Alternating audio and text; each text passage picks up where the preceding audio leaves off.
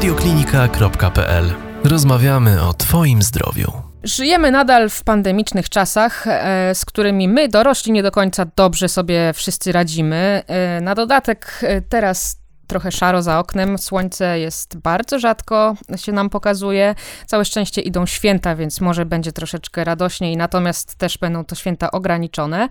Ale w tym całym pędzie, w tym całym naszym dorosłym życiu, czasem trochę zapominamy o naszych dzieciach. Tych ciut starszych, tych, co siedzą w domach e, godzinami przed komputerami, bo mają zdalne nauczanie, e, tych, które nie mogą wyjść na dwór, e, widywać się ze swoimi rówieśnikami itd., tak itd. Tak mm, czy widzimy czy w nich się coś zmienia, czy widzimy, czy one czasem potrzebują pomocy, czy one dobrze sobie radzą z tą pandemią, czy mamy fajny kontakt z tymi naszymi dziećmi, żeby, mm, żeby się dowiedzieć, że mają jakieś problemy e, poza pandemią i w pandemii.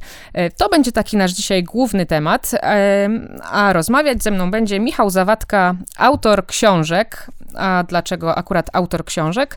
No bo mam przed sobą tutaj takie trzy części mm, książek e, Michała Zawadki. Chcę być kimś. I to są takie bardzo fajne poradniki i zeszyty ćwiczeń w jednym, bym tak to nazwała, takie kalendarze. Michale, czy zgadzasz się ze mną, bo to twoja książka? Witam serdecznie wszystkich. Nie, całkowicie się nie zgadzam. już, już mówię dlaczego. Pierwsze, nie są to poradniki.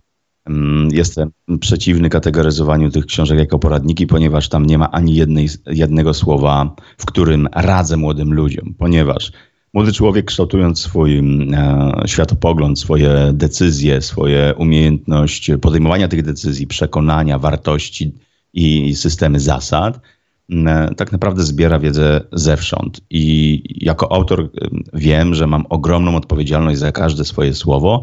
Dlatego pisząc te książki, spotykając się również z młodymi ludźmi bardzo licznie i słuchając ich przede wszystkim, co jest chyba najważniejszą rzeczą w kontakcie z młodymi ludźmi, żeby ich wysłuchać, a i właśnie nie radzić, postanowiłem, że ja tam im pokażę trochę jak na szwedzkim stole przeróżne, przeróżne możliwości wyborów, przeróżne sytuacje. Pokażę też im faktycznie, jak to jest, e, żeby mogli zobaczyć, bo czasami żyjąc i dojrzewając jako młody człowiek, nie, nie widzimy, e, co się we mnie zmienia. I tak samo jak dzisiaj rodzice może nie zawsze widzą, jak zmieniają się ich młodzi, właśnie e, podopieczni w domach. Nie tylko względem pandemii, ale względem w ogóle relacji między nimi. I to też wpływa na wszystko, o czym mówiłaś, Aniu, w zapowiedzi. No i właśnie a propos tych e, książek kończąc, tam jest, głównym bohaterem jest każdy sam dla siebie i po prostu pracuje nad własnym rozwojem, poznając historię ludzi, niektóre sytuacje z mojego życia, plus całą wiedzę, którą przesiewam i daję faktycznie warsztatowo. Więc kalendarz to nie jest. Kiedyś się pokaże na pewno e, kalendarz do pracy, jak będzie czwarta część na zakończenie serii. Obecnie książka wspiera bardzo mocno, w tej chwili już ponad 100 tysięcy czytelników e, ma własne książki więc e, młodzież chce z nimi pracować i one całkowicie faktycznie integralną częścią stają się, tak trochę jak Joda powiedziałem od tyłu to zdanie, ale faktycznie integralną częścią stają się, jak młodzi ludzie czytają. I tak jest. E, I faktycznie resztę, resztę się zgadza, że one są dla młodych, o młodych, tak z serducha do serducha. I tak jestem, jestem autorem. Ale nie radzę, a opowiadam i pokazuję żeby mogli sobie to wyobrazić i podjąć decyzję, bo młodzi uwielbiają podejmować decyzje, ale ze względu na to, co powiedziałaś na początku, ostatnio, te decyzje są trudne bądź trudniejsze. To prawda, ale zgadzasz się z tym, że tutaj też jest jakiś taki zeszyt ćwiczeń troszeczkę, prawda? Bo tutaj jest co powypełniać, tak? Tak, to są, to są pozycje do przemiany. Tak samo ja chcę być kimś jak inne dla młodszych e, trochę nastolatków, bądź wspierających ich nauczycieli i rodziców, czyli, no bo ogólnie to są trzy, a mam w tej chwili już dziewięć książek wydanych, więc e, są książki, w każdej mojej książce jest proces. Tak. To znaczy, co przepracować, jak spojrzeć na siebie, czego się dowiedzieć, o czymś, prowokacja do przemyślenia, prowokacja do zmiany, czasami prowokacja do zderzenia się ze sobą w pewnej złości na zasadzie, ale jak to on mi to wytknął i takie przyznanie się przed sobą, ale taka prawda przed lustrem jest bardzo, bardzo ważna do tego, żeby można no, pójść dalej, zrozumieć, a czasami odrzucić coś i nauczyć się takiej asertywności nawet do samego siebie, że ja tak nie chcę, bo ja oczekuję czegoś innego. No i właśnie te książki są bardzo procesowe i bardzo pracują łącznie w całej serii, jak za chwilę wyjdzie czwarta część, w 16 obszarach, które budują taką świadomość młodego człowieka. I na pewno ona również pomoże w każdym trudnym czasie, między innymi tym pandemicznym. No tak, właśnie, bo w zasadzie to dobrze już wspomnieliśmy tutaj dwa razy, że to nie tylko tak w pandemii jest, że ciężko nam jest się dogadać z naszymi dziećmi często, albo często na przykład nie zauważamy, że dziecko ma jakiś problem, albo na przykład bagatelizujemy problem naszego dziecka, bo przecież co to jest za problem w porównaniu z zapłaceniem rachunków i deadline'em, który mamy na wczoraj. A poza tym każda generacja rodziców myśli sobie, że ta następna młodsza jest przecież gorsza, bo za moich czasów to e, się wychodziło na podwórko podwórko, a oni teraz to tylko siedzą przed komputerami. Mm, trochę zatraciła nam się y, ta jakby komunikacja, tak? To niestety komunikacja się właśnie zatraca, ale dlatego, bo to jest konsekwencją, a nie problemem. Bo dzisiaj mówimy, a młodzież jest problematyczna, a młodzież reaguje tak czy tak. To ja pozwolę sobie szybko zerknąłem do, mojego, e, do mojej bazy danych. To a propos tego, co rodzice mówią, e, może dwa szybkie cytaty. Nasza młodzież stacza, stacza się i marnieje. Młodzi ludzie nie słuchają swoich rodziców. Koniec świata jest bliski. Czy wiesz, albo czy słuchacze wiedzą, skąd pochodzi, e, pochodzą te słowa? W starożytności? Tak, na tabliczce z Ur, z Haldala, 2000 lat przed naszą erą, lub podobny i patrząc na dzisiejszą młodzież, nie wierzę w przyszłość naszego kraju. Młodzi ludzie są nieznośni, nieodpowiedzialni i przerażający. To znowu Arystoteles, 384 rok przed naszą erą. Więc y, faktycznie to są duże wyzwania. I to, co y, powiedziałaś, to, co się dzieje z młodzieżą, y, to dzieje się w konsekwencji tego, że my nie zauważamy tych problemów, bo właśnie podchodzimy do młodego człowieka dzisiaj, że on jest trochę przy okazji. My nie jesteśmy dzisiaj z młodymi ludźmi, a obok nich. Teraz e, w tych czasach pandemicznych jeszcze bardziej nam się wydaje jako dorosłym, że jesteśmy cały czas z młodymi ludźmi 24 godziny na dobę, a tak naprawdę nie spędzamy z nimi w ogóle czasu. Raz, oni siedzą w pokoju, bo mają online, potem my mamy pracę, mamy obowiązki, jesteśmy obok, wszystko inne staje się warunkowe, to znaczy przygotuj się, odrób, to też e, było i bez online'u niestety. I tak te relacje jest. bardzo mocno mm, siadają. Co więcej, niezwykle trudna sytuacja, jaka z tego wynika, to wszystkie te sytuacje prowadzą do bardzo niebezpiecznej e, społecznie rzeczy, a niebezpiecznej dla każdej jednostki, to znaczy bardzo dużego zachwiania poczucia własnej wartości. Mhm. Bo człowiek niewysłuchany, człowiek bez prawa głosu, człowiek, który żyje obok i on tak naprawdę nie czuje, że jest ważny, człowiek, którego problemy są bagatelizowane, człowiek, którego emocje są niezauważane, zaczyna bardzo źle postrzegać samego siebie. I to się dzieje niestety z e, nastolatkami. No, w, na przełomie maja-czerwca pokazały się e, wyniki badań HBSC, to jest Health Behavioral in School Age Children, gdzie polska młodzież na 45 badanych państw zajęła 43 miejsce, jeżeli chodzi o poczucie własnej wartości, widzenie siebie, swojej cielesności, swojego stanu psychicznego, udziału w społeczeństwie. I to, co powiedziałem, już to nie jest problem społeczny. To są konsekwencje. Mhm. Dlaczego? Bo gdzieś się zapędziliśmy, bo gdzieś przestaliśmy słuchać młodych ludzi i bardzo dużo słuchamy siebie. To znaczy, ja wiem lepiej, bo ja już to przeżyłem. Nie, nie wiesz, czasy się rodziców zmieniły. To my dzisiaj, jako dorośli, będziemy żyli kilkadziesiąt lat w świecie młodych ludzi, w świecie cyfrowym. Tak. I w tym aspekcie to oni powinni być naszym przewodnikiem. My, słuchając ich, możemy ich nauczyć, i to jest y, nasz główny, um, główne zadanie odpowiedzialności rodzicielskiej, nauczyć młodego człowieka wartości, przekazać mu wiedzę życiową bez tematów tabu, na zasadzie o tym się nie rozmawia, bo nie wypada, po to, żeby dostarczyć mu adekwatną i zgodną z faktami wiedzę, a nie pozwalać właśnie mu e, szukania wiedzy na, na stronach inter, na własną rękę, tak?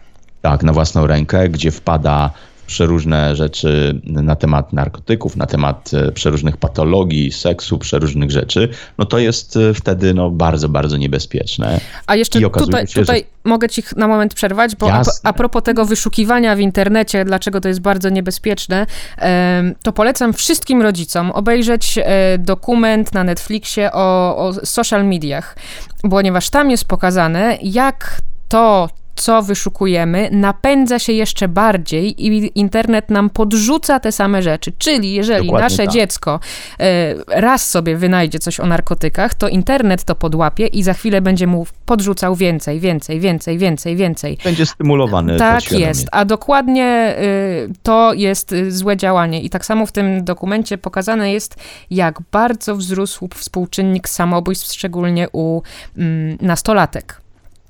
Więc... No to wygląda tak w naszym kraju niestety mhm. bardzo smutnie, kiedy mówimy o tym temacie, że my od lat, co potwierdzają statystyki policyjne, niestety jesteśmy na drugim miejscu w Europie, jeżeli chodzi o nastolatków, mm, a nawet tych wczesnych.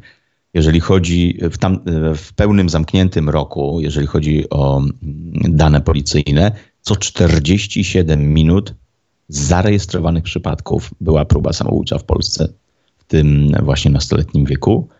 Mm, co jest przerażające. W 2019 roku ci przednastolatkowie między 8 a 12 rokiem życia próby, znaczy nie próby, okaleczenia wzrosły 100%.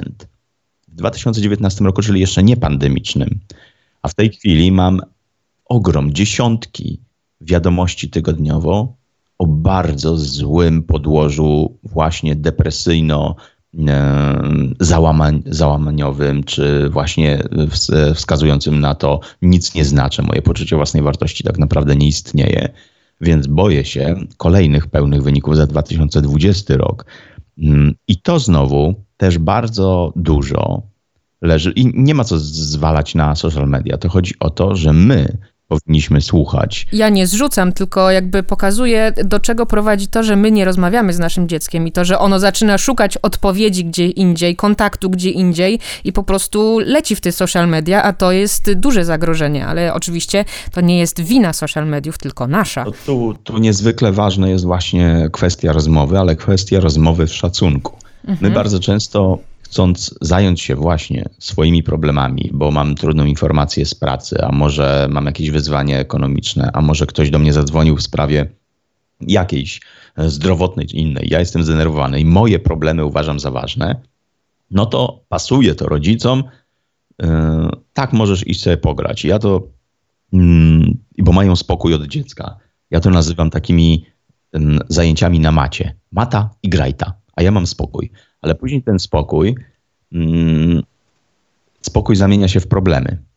Dlaczego? Dziecko na przykład też się denerwuje i w tym momencie nie może porozmawiać z rodzicem. Co się dzieje? Idzie i swoje wysokie mm, stany trudnych emocji zamienia w bardzo łatwe zastrzyki dopaminy, które dostanie, na przykład z, z, portali społecznościowych, bo wrzuci jakieś zdjęcie, bo ktoś mu napisze, ale super, jesteś mega, albo napisze post sfabrykowany 50 filtrami i ktoś mu powie, wow, jest super, jeszcze do tego napisze, jestem zarąbisty, dzisiaj był fajny dzień, a wie, że właśnie buduje swoje alterego, które w lustrze niestety nie będzie miało odbicia. I mhm. nie ma prawa porozmawiać o emocjach z rodzicami. Oni są zadowoleni, a poszedł sobie po, posiedzieć, ja mam spokój. Tylko dzieci z dnia na dzień nie potrafią zmierzyć się, dzieci, młodzi ludzie, mm, nie potrafią zmierzyć się na przykład, co ja w tej chwili, ze świadomością emocjonalną, co ja w tej chwili odczuwam, co to dla mnie znaczy, jak z tym mogę sobie poradzić, z kim mogę porozmawiać. I właśnie tu jest kwestia rodziców. A jak idą i już się przebiją do rodziców, często niestety przez konflikt, bo kiedy on jest naładowany emocjonalnie, tak samo jak rodzic, i on jakoś zareaguje, albo źle przyjmie słowa rodzica, albo źle zareaguje na jakąś prośbę, no to następuje atak. No i tu znowu jest jeszcze eskalacja e, jakiegoś problemu. Tylko wtedy rodzic mówi, co ty mnie ciągle atakujesz, ja mam tu tyle na głowie, a ty mi tutaj siedzisz i, i, i, i chcesz ciągle jakieś rzeczy dla siebie. Ale nie wie, że to jest też reakcja emocjonalna jego dziecka, zapominając o tym, że na działania swoje i dzieci powinniśmy patrzeć intencjonalnie. To znaczy człowiek nigdy z intencji, ani sobie, ani drugiemu mm, człowiekowi, jeżeli nie jest no, procentem na świecie psychopatów, mhm. nie chce zrobić krzywdy. Zatem, jeżeli moje dziecko robi coś, co jest w konsekwencji złego dla niego, domyślam się, że nie podjął świadomej decyzji, chce zrobić sobie konflikt z rodzicami, z, mieć tak zwany szlaban, sobie zrobić krzywdę. Zatem to jest kontrolka dla rodzica, coś się wydarzyło. I w tym momencie nie narzucam swojej odpowiedzi, bo ja wiem lepiej i ja ci będę radził, bo wtedy znowu ignorujemy młodego człowieka i tak naprawdę nie dowiemy się, w czym był mm, problem, co to za wyzwanie, tylko okej, okay, rozumiem, widzę, że masz trudne emocje, jak będziesz chciał pogadać, jestem. I okazuje się, że kiedy pojawia się cisza z gotowością słuchania, młodzi ludzie bardzo mówią. Ja się śmieję, znaczy nie śmieję, bo to jest bardzo smutne, ale mm, jak rozmawiam z rodzicami, to mówię, ja wiem o wszystkim tym, o czym wasze dzieci z wami nie chcą rozmawiać, a może inaczej, o czym wy nie chcecie słuchać. Mhm. I mam tysiące takich wiadomości. I to jest właśnie ważne. Jak pomóc młodemu człowiekowi? Słuchać ich. Mm, tu będą idealne słowa e, mojego znajomego, moim zdaniem mistrza relacji empatii, Tomka Zielińskiego. Mówi przepiękne słowa. Jeżeli nie słuchamy tych, którzy do nas mówią, tracimy ich nigdy ich nie poznając. I to faktycznie się dzieje w naszych rodzinach. Dzisiaj zapędzeni wszyscy, jeszcze bardziej zestresowani. Napędzamy siebie w swoje problemy, nie dowiadując się, co się dzieje w naszych rodzinach. No i dlatego młodzi ludzie w tej chwili mają jeszcze więcej, e, więcej wyzwań, zwłaszcza, że wcześniej nie rozmawiali, bo po szkole jedyne pytania, jakie dostawali, to co dostałeś, co masz zadane. Mhm. I to jest niestety też ponad 80% pytań, jakie dzieci dostają po powrocie ze szkoły. To na Uniwersytecie Kalifornijskim robiono takie badania. To niezależnie od, od nacji, że tak powiem, e, to większość pytań rodzinnych jest takich, że nie interesujemy się, co u ciebie, co czujesz, z czym masz wyzwania, żeby ono było ważne w procesie naszej komunikacji, tylko co dostałeś, co masz zadane. A jak e, coś robi i chciałoby zrobić swoje, swoją, coś dla przyjemności, relacje z rodzicem, porozmawiać, to wszystko staje się warunkowe na zasadzie odrób, naucz się, to wtedy pogadamy. I okazuje się, że znowu wszystko, co dla niego jest ważne, emocje, relacje, stają się warunkiem, czyli to nie jest ważne. I oprócz tego, że ono zaniża swoje poczucie własnej wartości, to dodatkowo zaczyna zniechęcać się bardzo mocno i skutecznie do nauki, bo wszystko, co jest warunkowe, przestajemy to lubić. To jest tak, jak zjedz zupę, a wtedy będziesz mógł jeść lody. My mhm. bardzo wtedy tej zupy i warzyw nie lubimy jeść, bo wolimy jeść lody. No i tak to, tak to się dzieje właśnie. I to znowu na Uniwersytecie Stanforda e, Mark Lepper, profesor, e, robił takie badania warunkowości. I to jest niezwykle, niezwykle ważne, jak działa mózg młodego człowieka. A do tego, tego działania mózgu człowieka to dochodzą też, e, prawda, słodycze, nadmiar cukru. Przez ten nadmiar cukru dochodzi niedospanie, więc wszystkie emocje, jak już eskalują, to, to naprawdę mocno.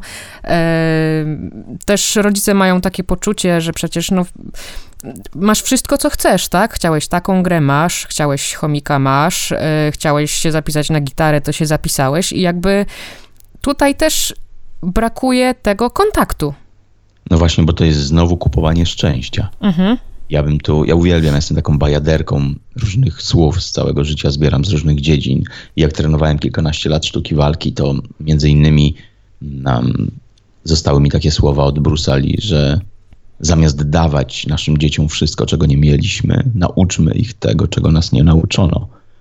I my w tej chwili znowu chcemy kupować swoją fajność, bo przecież masz wszystko, co chcesz tylko że szczęścia się nie posiada, mhm. o czym dzisiaj jest ogromny błąd, a szczęście się odczuwa. A szczęście wynika z tego, że jestem dla kogoś ważny. A szczęście wynika z tego, że umiem wyrazić siebie i bez obawy przed opinią innych być z tego dumnym.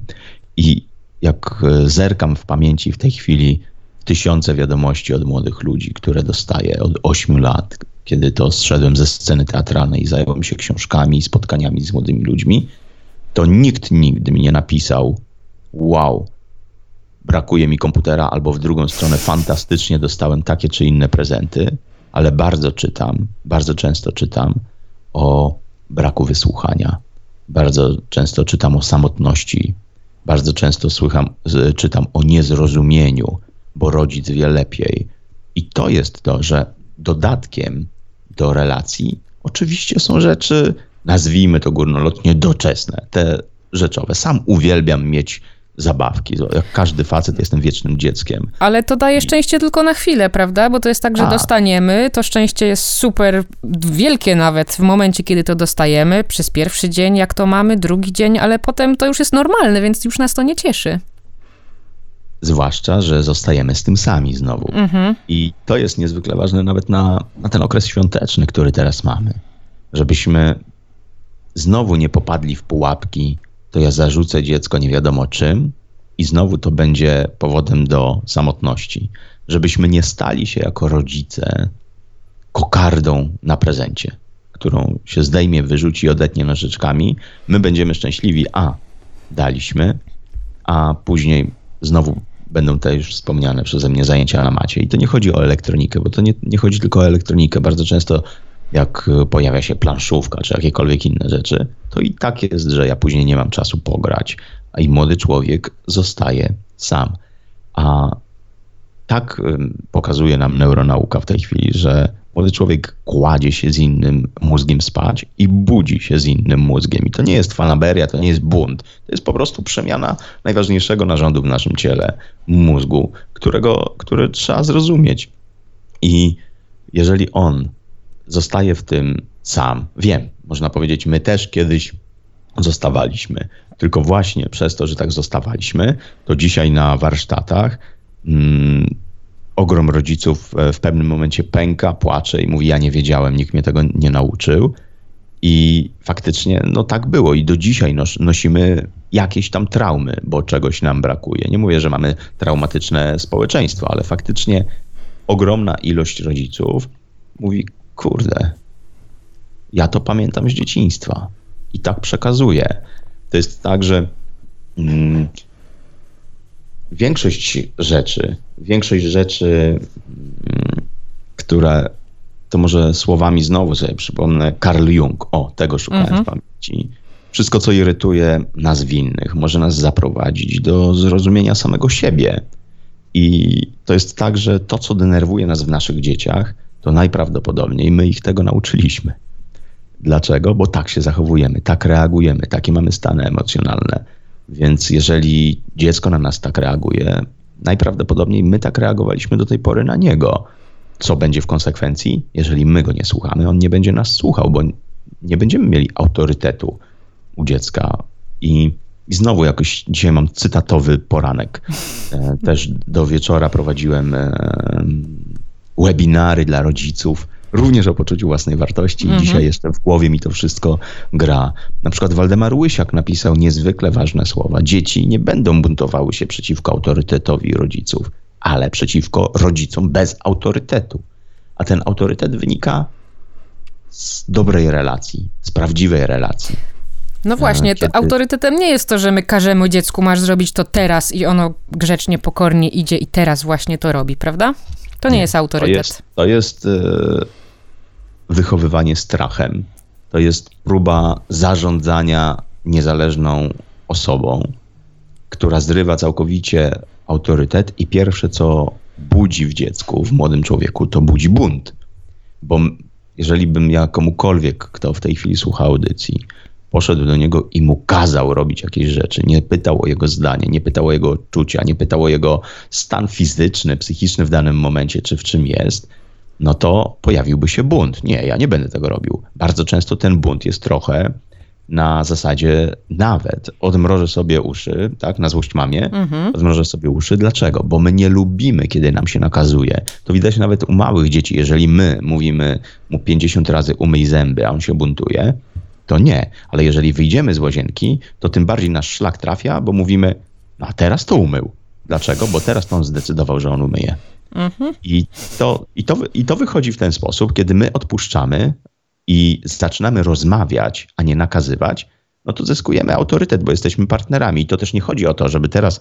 Mm, ja jestem przeciwnikiem bezzasadowego, bez e, takiego e, bezstresowego zachowania. Tego wolnego wychowania, tak? Nie kop pana, bo się sposić. Tak. Znaczy nie, jestem bez, e, jestem przeciwnikiem takiego wychowania mm, bezstresowego na zasadzie rób co chcesz, bo ty czujesz. No nie. Pamiętam jak mój syn, kiedy miał 6 lat, graliśmy w taką niezwykle ważną grę moim zdaniem, która jest na polskim rynku Pytaki, mm, gdzie wylosował Makary takie pytanie z woreczka, co jest potrzebne do dobrego żeby dobrze wychować dzieci. I tak czekaliśmy, czekaliśmy, a w końcu mówi zasady. A ja mówię, a dlaczego? Bo wtedy dziecko jest bezpieczne. I, I to faktycznie wynika z tego, żeby mówić, przekazywać wartości jako rodzice dzieciom, ale nie nakazywać, bo niezwykle ważne jest to, że my uwielbiamy się rozwijać, my lubimy budować społeczeństwa. Jednak czym innym jest zbudowanie świadomości zasad, a czym innym jest wepchnięcie mnie w zasady. Bo komuś się tak podoba, bo rodzic uważa, że tak jest dobrze. To jeżeli tak jest dobrze, to niech mi tak to wytłumaczy, żebym ja zrozumiał, dlaczego to jest dobrze. I żebym sam następnym razem, kiedy spotkam się z e, decyzją dotyczącą tego obszaru wśród moich rówieśników, na wyjeździe, kiedy będę już e, mógł gdzieś wyjechać z kumplami, z koleżankami, to żebym ja wiedział, że to jest dla mnie złe i ja nie chcę, że ja nie muszę szukać akceptacji w grupie poprzez robienie złych rzeczy, bo jestem do tej pory niezaakceptowany, nie jestem w tej chwili e, jakby wartościowym człowiekiem dla kogoś, bo nie jestem akceptowany, no to faktycznie e, podejmuję takie decyzje, które naginają bardzo dużo. Dlaczego? Bo do tej pory nie wiedziałem, dlaczego te decyzje są ważne, dlaczego te wszystkie mm, rzeczy ja mam robić. I a niektóre wręcz podejmiemy dlatego, żebyś zauważył, że ja to robię. Bo jak zrobię coś źle, to ty zauważysz, prawda? Bo jesteś moim rodzicem, więc zrobię specjalnie tak, żebyś widział, że ja to zrobię. No tak. To jest krzyk. Bardzo często rodzice, nie, mm, którzy przychodzą do mnie i mówią, panie Michale, z nim w ogóle nie można rozmawiać, on wychodzi, trzaska drzwiami. To są dwa, dwa aspekty. Po pierwsze, skoro, i to mówię to samo młodym ludziom, jeżeli twierdzisz, że nie da się rozmawiać z twoim dzieckiem, to gwarantuję ci, że będziesz takie miał nastawienie, że nie będziesz z nim rozmawiał. To mhm. samo w mhm. drugą stronę, kiedy słucham młodych ludzi, z moimi starymi nie da się gadać no to z założenia w ogóle nie dopuścisz tego, co mają do powiedzenia, bo będziesz budował w sobie ten błąd. Ale z drugiej strony do rodziców, jeżeli twój, twoja córka, twój syn wychodzi i trzaska drzwiami, to nie dlatego, że ma ciebie dość, ale dlatego, że z czymś sobie nie radzi. To jest pierwszy krzyk, potrzebuje wsparcia. I zależy, jak to wszystko interpretujemy. I wtedy nie wparowujemy do sklepu, do sklepu, do, do pokoju, mhm do pokoju i nie mówimy, ja ci wytłumaczę, albo jak śmiesz. Bo w tym momencie tak samo nasz mózg, jak i dziecka mózg, jest odcięty od e, świadomego myślenia. Tutaj zaczął rządzić kortyzol, tutaj zaczął e, inne hormony stresu, zaczęło rządzić ciało migdałowate, które mamy w mózgu od pierwotnych naszych chwil. I emocje no i... z emocjami się nigdy nie dogadają, szczególnie jak są dokładnie, w dokładnie. walce. Więc to wszystko wymaga akceptacji i, i, i spokoju i gotowości do wysłuchania. Nie ścierania się, kto ma rację, bo o to chodzi bardzo często w konflikcie z nastolatkiem, mhm. Że my się kłócimy, kto ma rację. Tu powinna nastąpić akceptacja, ale akceptacja okazuje się w naszym społeczeństwie jest bardzo źle rozumiana, ponieważ większość ludzi, jak pytam się na warsztatach, czym jest akceptacja, młodzi ludzie również, tak samo ich rodzice, uważają, że jest to zgoda na coś. Mhm. A akceptacja nie jest zgodą akceptacja od angielskiego accept jest uznaniem. Ja uznaję, że ty możesz myśleć inaczej, czuć inaczej, mieć inną wiedzę, inne potrzeby. Ja to akceptuję, uznaję. Nie jest to ani dobre, ani złe. Ja to uznaję, że tak masz. Teraz ja przedstawiam swoją wersję, moje argumenty, moje wartości i później następuje najważniejsza rzecz. I co z tym możemy wspólnie zrobić? I okazuje się, że kiedy akceptujemy, że ktoś może mieć odmienne zdanie, a nie od razu atakujemy go, bo ma inne, to można się dogadać i z nastolatkiem, i z rodzicem, i z każdym w ogóle. No tak. Więc to jest e, bardzo ważna, ważna kwestia. A w czasach pandemii niezwykle ważna. Napięć jest bardzo dużo. I no sam to odczuwam. No mam dwoje dzieci, 9-12 lat. Też cały czas w domu, też mam dużo swoich spraw, też e, widzimy się czasami e, przypadkiem na schodach, bym powiedział. I bywają, bywają trudne chwile, tylko właśnie jest gotowość do działań, gotowość do otwarcia, do rozmowy, do akceptacji, do uznania, bądź czasami dla rodziców gotowość do przeprosin. O, a to emocje. może być trudne. Tak, to jest taka duma trochę, albo takie zamykanie się w rodzicielskiej poczuciu, e, poczuciu winy, że honor mi nie pozwala przeprosić, bo mój, au, bo mój autorytet upadnie. Tak, e, tylko my wtedy nie mamy autorytetu. Mm-hmm. Bo to jest tak, że. Ale w świadomości mówimy, rodzica on gdzieś tam. Tak. Tak, jest taki z tak, tyłu bo, głowy. Bo to jest dokładnie. Bo my wtedy mówimy, a nie przeproszę, bo to będę, nie mogę być słaby przed dzieckiem. Raz, oszukaliśmy go naszą postawą, bo była nieadekwatna, więc on musiał się dostosować do czegoś, co było nieprawdą wcześniej czy później tego typu zachowania dziecko zacznie rozumieć, jak dorośnie jeszcze bardziej i wtedy spadniemy z piedestału jeszcze bardziej i boleśniej, bo okazuje, będzie miał świadomość, że go oszukiwaliśmy, że byliśmy tacy idealni. A przede wszystkim, idąc do dziecka wieczorem, na spacerze, gdziekolwiek, poruszając temat na zasadzie, słuchaj, chciałem cię przeprosić. To była zła, zła sytuacja trudna, trudna reakcja, nieodpowiednia. Przepraszam cię za nią. Byłem zdenerwowany, nie wiedziałem o tym czy o tym, nie wiedziałem, że tego potrzebujesz. Ja byłem zabiegany. Po prostu przeprosić. Mm, to dziecko się nauczy brania odpowiedzialności za swoje emocje, za swoje decyzje, za swoje czyny. Pokaże, że popełnienie błędu nie jest niczym złym. A to dzisiaj doprowadza ten perfekcjonizm całego świata, ocen w szkole, wymagań rodziców, oczekiwań e, całego społeczeństwa, że masz być idealny, jak e, nie wiem, w ogóle e, szerująca się wiadomość na Instagramie czy w social mediach, tak wiralowa i wtedy jest perfekcyjna. Tylko przepraszanie dzieci pokaże im, ja też popełniam błędy, ty też możesz i to jest ok. I to nie zmienia mnie jako rodzica, że się pomyliłem, okej, okay, nauczyliśmy się dzisiaj czegoś, porozmawiajmy o tym. I po prostu przepraszam cię za to. A to ciśnienie ciągle, stawiane sobie, że muszę być idealnym rodzicem, a za chwilę mm, czytam w listach właśnie o poczuciu winy, że jestem takim złym rodzicem, bo tego, tego, tego nie potrafiłem. My też tego nie potrafimy. Każdy się uczy. Każdy młody człowiek jest innym, innym wyzwaniem.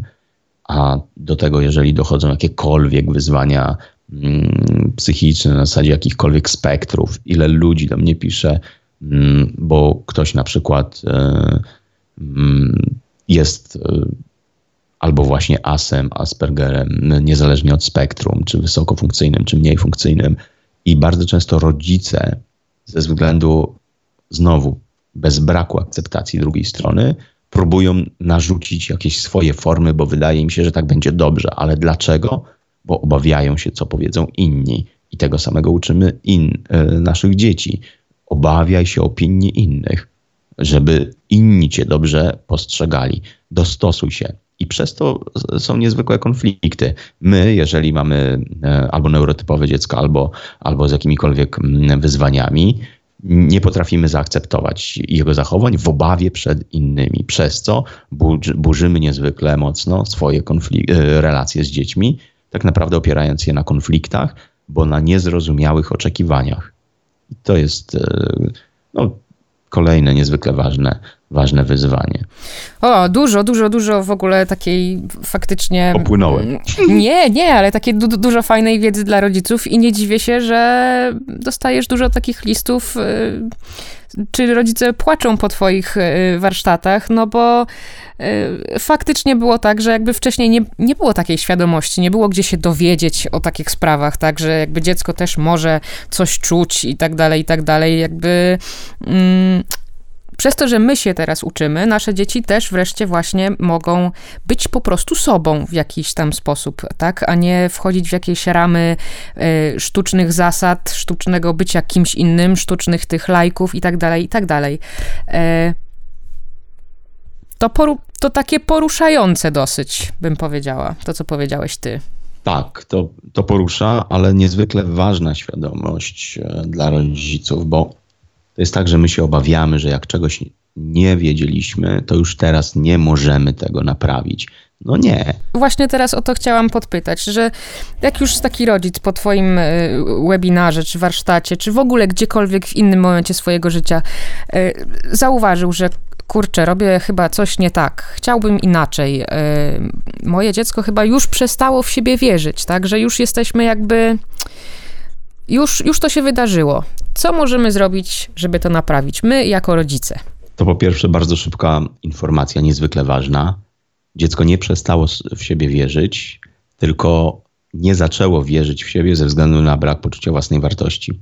O tym pisał między innymi Jesper Juhl, że poczucie własnej wartości i wiara w siebie, i to jest no, faktycznie mm, bardzo łatwe do zrozumienia, są dwie zupełnie inne przez nas mylone rzeczy, bo wiara w siebie jest możliwa dopiero wtedy, kiedy jednostka, niezależnie od wieku, ma przekonanie, że jest ważna, mhm. że jest jej dobrze z nią, jak jest. Dopiero wtedy mogę podejmować decyzje swojego rozwoju i budować wiarę w siebie, choć nie muszę ale nie można zbudować wiary w siebie, jeżeli nie ma poczucia własnej wartości. I bardzo często, jeżeli rodzice przynoszą mi problemy, moje dziecko nie wierzy w siebie, to okazuje się, że poznając sytuację, okazuje się, że to jest kwestia zachwianych relacji i bycia ważnym, bycia ważnym właśnie w tym, e, w tym procesie jako, jako jednostka dla rodziny, dla bliskich, dla grupy. I okazuje się, że dlatego nie wykonuje jakichś zadań bo sam ze sobą nie czuje się dobrze, więc on nie podejmuje um, swoich kroków, nie poddaje swoich pomysłów, nie jest w stanie zmierzyć się z wyzwaniem. Jak Czyli to jest trochę tak, że, on, że nasze dziecko się czuje niepotrzebne? Tak, tak, no i niepewne w wielu sytuacjach, że jak popełnia błąd, no to ten idealizm, o którym, perfekcjonizm, o którym rozmawialiśmy przed chwilą, mhm. pokazuje mu, no faktycznie jesteś, jesteś beznadziejnym, no jakiś chodzące beztalencie w ogóle. I to jest, to jest ważne.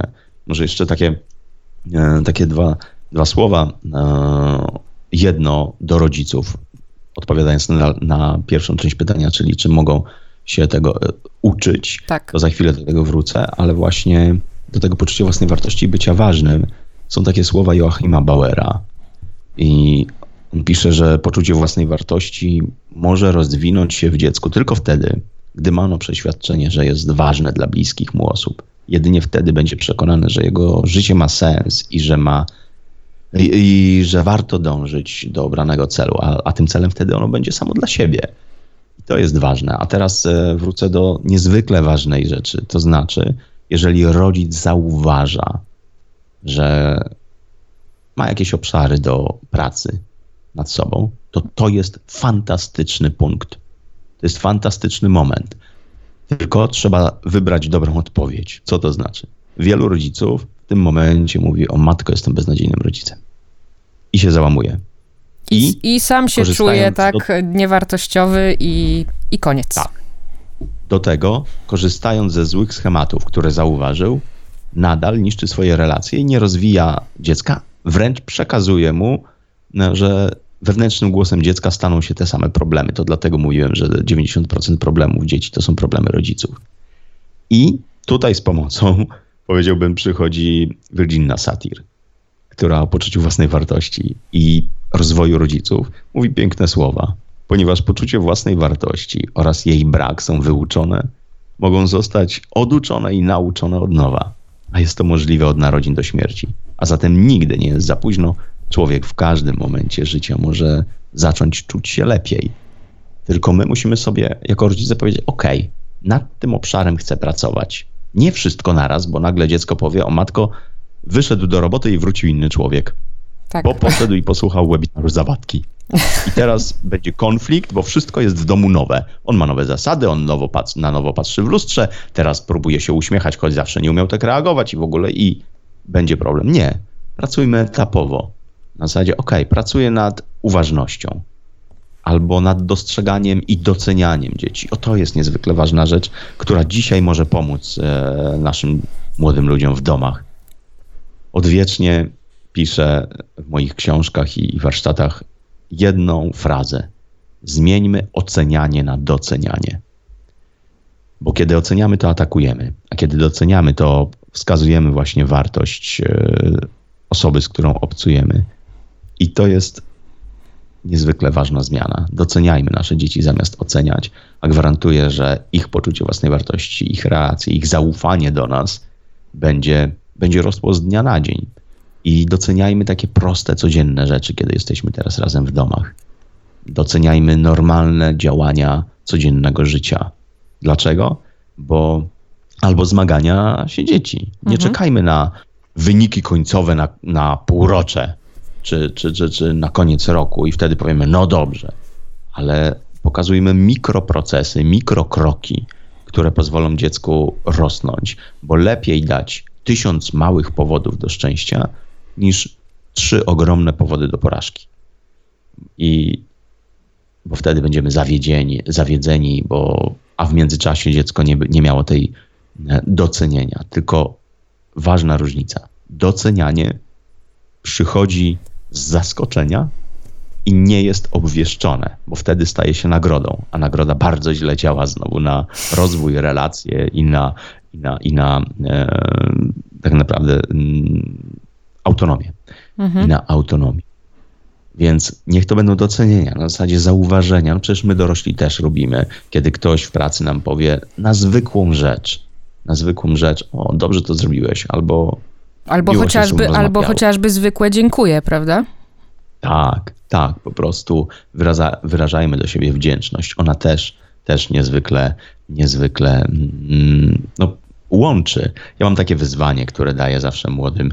To jest pięć razy dziennie doceń siebie, pięć razy dziennie doceń innych, pięć razy dziennie doceń świat, a gwarantuję ci, że za 30 dni obudzisz się w innym świecie. I, i to działa. I to działa i z nami też, bo zaczynamy być wdzięczni za to, co potrafimy, co umiemy dostrzegać i zaczynamy myśleć pozytywnie. O tym jest cała moja no, nowa seria, Uśmiechologia, pozytywna strona myślenia. Też ona ma w tej chwili dwie wersje. Jedna wartościownik dla rodziców, mhm. niezwykle cenna pozycja o poczuciu własnej wartości, a dla młodszych dzieci trochę bym powiedział w klimacie no, chcę być kimś, tylko chcę być kimś jest e, już e, dla nastolatków, dla rodziców w górę otwarta, a uśmiechologia to tak od 8 do 12-14 roku życia swobodnie to jest taki ewidentnie zeszyt ćwiczeń pracy nad poczuciem własnej wartości, modelowaniem swoich myśli i też nauką umiejętności, co robić ze złym myśleniem, bo pozytywne myślenie nie polega na tym, że nie myślę w zły sposób, ale na tym, że ja wiem, co z tym zrobić, kiedy taka trudna myśl przychodzi. A to buduje też odporność na stres, bo kiedy przychodzą trudne rzeczy, trudne opinie innych, trudne słowa, ja potrafię się zmierzyć, myśleć krytycznie, nie krytykująco, a to jest ogromna różnica, i zastanowić się, ok, czy to jest prawda? Co powinienem zmienić, czego się nauczyć, co zrobić, co to dla mnie oznacza, co ja przez to czuję, no i tym jest uśmiechologia, takim procesem właśnie budowania poczucia własnej wartości dzieci. I to warto chyba tak po prostu sobie we dwójkę, czy w trójkę, w sensie rodzice i dzieci usiąść nad taką książką, Jak porobić jakoś razem, e, porozmawiać na różne tematy, wytłumaczyć, że e, złość na przykład wcale nie jest zła, tak, czy smutek też nie jest zły. Mm, e, oprócz twojej tej książki, to też są właśnie, tak jak wspomniałeś, różne gry, które mogą w tym pomóc w stylu pytaki. Jest też tak. taka gra Ego, gdzie tam możemy mm, tak. odpowiadać o różnych właśnie rzeczach dotyczących naszej rodziny. Mm, czyli co, to jest taki pierwszy fajny krok, żeby zacząć fajniej się porozumiewać z naszym dzieckiem. Zamiast pytać, co w szkole, to zapytać, co u ciebie? No to niezwykle ważne, tak. Zainteresować się osobą dla niej, że ona jest w centrum uwagi. Bardzo, bardzo ważna rzecz, um, która będzie w tym trudnym czasie niezwykle, niezwykle pomocna. No właśnie, no bo nasze dzieci nie bardzo mogą teraz wychodzić na dwór, e, spędzają te 6 godzin przed komputerem online'owe lekcje cały czas. Potem też chcą się odprężyć, więc też siedzą zazwyczaj przed komputerem. My siedzimy przed komputerem, bo mamy home office. Mm, jak sobie tam zorganizować ten wspólny czas, nawet właśnie podczas takiego chociażby spotkania się przypadkowo na schodach, czy w łazience, czy, czy gdziekolwiek? Wykorzystywać każdy... Mieć dla siebie... Mhm. Tak, mieć dla siebie ten uśmiech, o którym mówiliśmy. Mieć słowo dziękuję. Mm, ze względu na to, że i dzieci są napięte i my, to nie oczekiwać pusto, a ustalać swoją komunikację. To znaczy, jeżeli ktoś czegoś potrzebuje, to mówić o tym wcześniej, a nie żądać wtedy, kiedy nie zostało to spełnione, ale też nie było komunikowane. Jest zarzut nagle, było się domyślić. I to, i to jest taka, taka, taka sytuacja, że no, kiedy dwoje ludzi myśli o tym samym, to gwarantuję, że nie myśli o tym samym. A tym bardziej w różnicy pokoleniowej. Mamy inne doświadczenia, inne wiedzę, inne oczekiwania, inne potrzeby, emocje i będą to inne rzeczy. Jednak w rodzinie cudownie jest to ustalać. Jak sobie to robić? Na pewno szukać niezależnych chwil dla siebie, pozwolić sobie też obok komputera, jak już się to wszystko skończy, że dziecko może mieć czas dla siebie, ale też pokazać, że ja mogę mieć czas dla siebie. Iść na spacer, ale też iść na spacer wspólny. Mhm. Ale nie po to, żeby przepytać, co było w szkole, ale po to, żeby się odłączyć całkowicie i porozmawiać, co jest dla niego ważne. I jeszcze e, w sprawie tych ograniczeń. Ja każdy wtorek spotykam się na moim Instagramie na żywo z młodymi. Rozmawiam z nimi godzinę o 17. Takie Q&A młodzieżowe. Mhm. I oni bardzo często piszą właśnie, piszą pytania i, i rozmawiamy właśnie na ten temat, że rodzice w ogóle nie wspierają ich. Oczywiście ci, którzy są niewspierani, piszą, że w ogóle, ale są też tacy, których wspierają, więc to nie generalizujmy. Tak. Jednak często pojawiającym się problemem jest to, że oprócz tego ograniczenia, zamknięcia w domach, rodzice faktycznie nie wspomagają i potęgują. Ja rozumiem czasami strach, że mm, wirus i, i, i, i różne inne wyzwania, jednak ogrom młodych ludzi jest zakochanych i nie mogą się teraz spotykać. A rodzice bardzo często mówią: zajmij się nauką, nie tato inna na przykład. Coś czymś okropnym. Mhm. Coś czymś okropnym. Więc y, pomóżmy naszym dzieciom. Pojedźmy z nimi do parku. Weźmy sobie książkę, gazetę. Jak zimno, to posiedź w samochodzie. Zrób swoje rzeczy w aucie, ale pozwól mu spotkać się ze znajomymi na godzinę i wyjdźmy im naprzeciw. To nie będzie, że jesteś jego służącym, ale bardzo mocno zbudujesz swój szacunek i swoje zaufanie, bo on będzie dla siebie ważny, jego potrzeby też to ograniczenie jest niezwykle ważne do zrozumienia, że skoro nas odcięto, a młody człowiek, który uczy się bycia w społeczeństwie, a jakby nie było, nadal ewolucyjnie jesteśmy zwierzęciem stadnym, mhm. to mamy potrzebę bycia obcowania z innymi, to będą zabiegać o to bardzo. I zrozummy, że oni mają potrzebę, że mają wyzwania, więc nie bagatelizujmy tego, tylko ich wspierajmy w tym. I gwarantuję, że to nie musi być codziennie, ale nawet spotkanie w tygodniu, w weekend, raz, a może dwa, w sobotę i w niedzielę, dwa różne, da spokój emocjonalny na cały tydzień. I wyjdźmy im naprzeciw, bo to, co opowiadają i piszą młodzi, no to jest serce ściska. Jak bardzo są dostosowa- muszą się dostosować do rygorów domowych, bardzo często moim zdaniem wynikających z nie chce mi się. Jestem tak zestresowany, jeszcze z tobą będę jeździł. Mhm. Zajmij się sobą. Tyle rzeczy jest do zrobienia, może w domu sprzątniesz. Tylko porządek w pokoju może poczekać. A relacje buduje się na całe życie. Umiejętność życia z innymi buduje się na całe życie. I szkoła się skończy. Ale my będziemy z dziećmi jeszcze przez wiele lat rodziną. A może się okazać, że pandemii nie będzie, a jednak na święta do nas nie będą chciały przyjechać. Dlaczego? Bo nie byli ważni dla nas. To my dzisiaj nie będziemy dla nich. No i są takie trudne wyzwania. Jak wspierać ich? Przede wszystkim dobrym nastawieniem. Dobrym nastawieniem, zainteresowaniem, rozmową, wspieraniem, otwartością i pozwoleniem na ich trudne emocje. Dzisiaj jest niezwykle trudny czas. No, wiemy, no to jest też medialnie już na szczęście pokazywane, mhm. że dzieciaki mają trudno, no bo jak się nie, dogadywa, nie, nie dogadywali w domu, to dzisiaj się może okazać, że wpadli w oko cyklonu tak naprawdę, bo konflikt za konfliktem, przemoc słowna, e, szantaże słowne, a czasami niestety i, i, i, i fizyczne. I o tym też czytam w swoich mailach. I no, słyszę no, z przeróżnych inicjatyw, które, które po prostu walczą, że reaguj. Słyszysz za ścianą, reaguj. A dzisiaj jesteśmy zamknięci w ścianach. Frustracje przychodzą bardzo mocno, dlatego pracujmy nad swoją inteligencją emocjonalną. Jeżeli się wkurzyłem, to nie idę do dziecka rozmawiać, a idę na spacer i rozmawiam sam ze sobą jako rodzic. Co to dla mnie znaczy? Czego ja tak naprawdę od niego oczekuję? Dlaczego ja się wkurzyłem? Czy ja się wkurzyłem na niego, czy jestem wkurzony, bo dostałem telefon z pracy, że premii mhm. nie będzie? Na siebie właśnie i wyładowuje swoje emocje. Niechcący, bo akurat dziecko podeszło. To Michale, tak, e, tak myślę, że na koniec, jakbyś mógł jeszcze nam powiedzieć, e, bo takie podstawy wydaje mi się już mamy, to są bardzo ważne podstawy. Mm, jakbyś mógł nam powiedzieć właśnie, gdzie cię znaleźć, gdzie mogą cię znaleźć młodzi, gdzie mogą cię znaleźć rodzice, e, co by jeszcze popisać troszeczkę o swoich frustracjach, żebyś miał więcej tych e-maili i więcej wiadomości.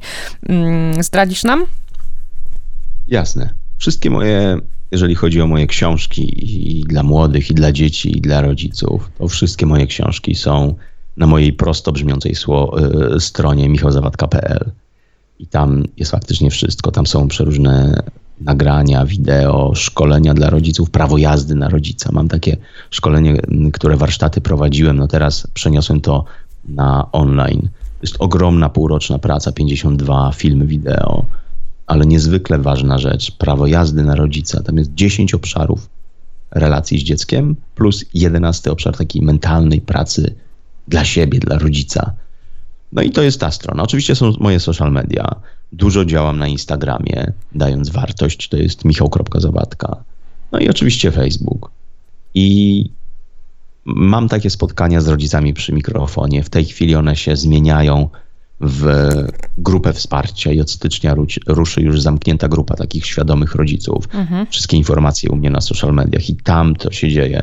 Na, moim, e, na moich profilach facebookowych można znaleźć ostatnie 35 tygodni rozmów, to znaczy 35 czwartków, to były czwartki, razem jest ponad 80 godzin rozmów z rodzicami przy mikrofonie. Tak się nazywał cykl z rodzicami przy mikrofonie. I przez 35 tygodni rozmawiałem z nimi długo, czasami po dwie, dwie i pół godziny.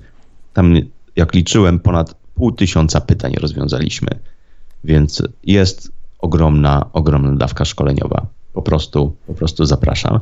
No i zapraszam do po prostu obserwowania mnie w social mediach, na mojej stronie, newslettery, inne rzeczy. Wtedy wiadomo, gdzie co robię, e, jakie webinary, E, te, które są, zawsze są albo u mnie na stronie dostępne, albo w moich social mediach. Ostatnie sprzed kilku dni, które za chwilę trafią, to były właśnie 10 e, filarów budowania poczucia własnej wartości, czy tydzień temu robiłem duże szkolenie dla rodziców, 9 e, błędów komunikacji rodzicielskiej.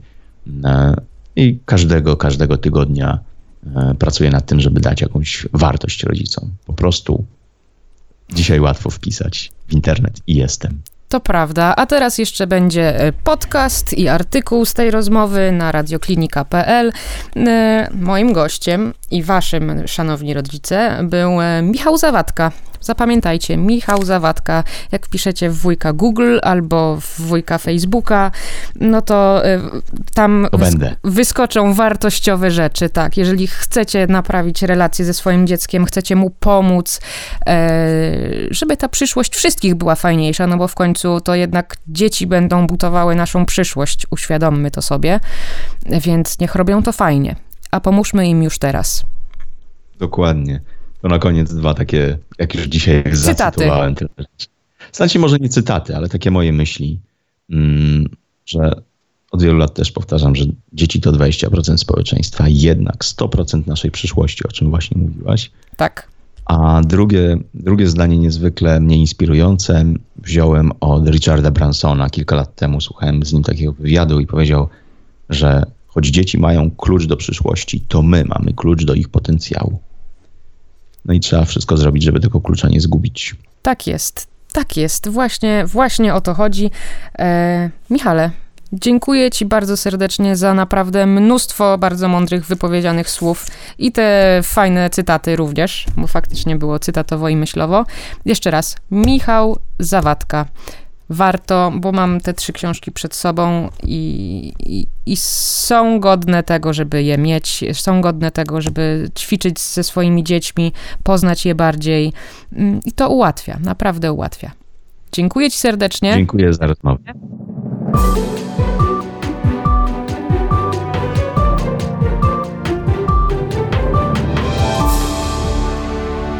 Więcej audycji na stronie radioklinika.pl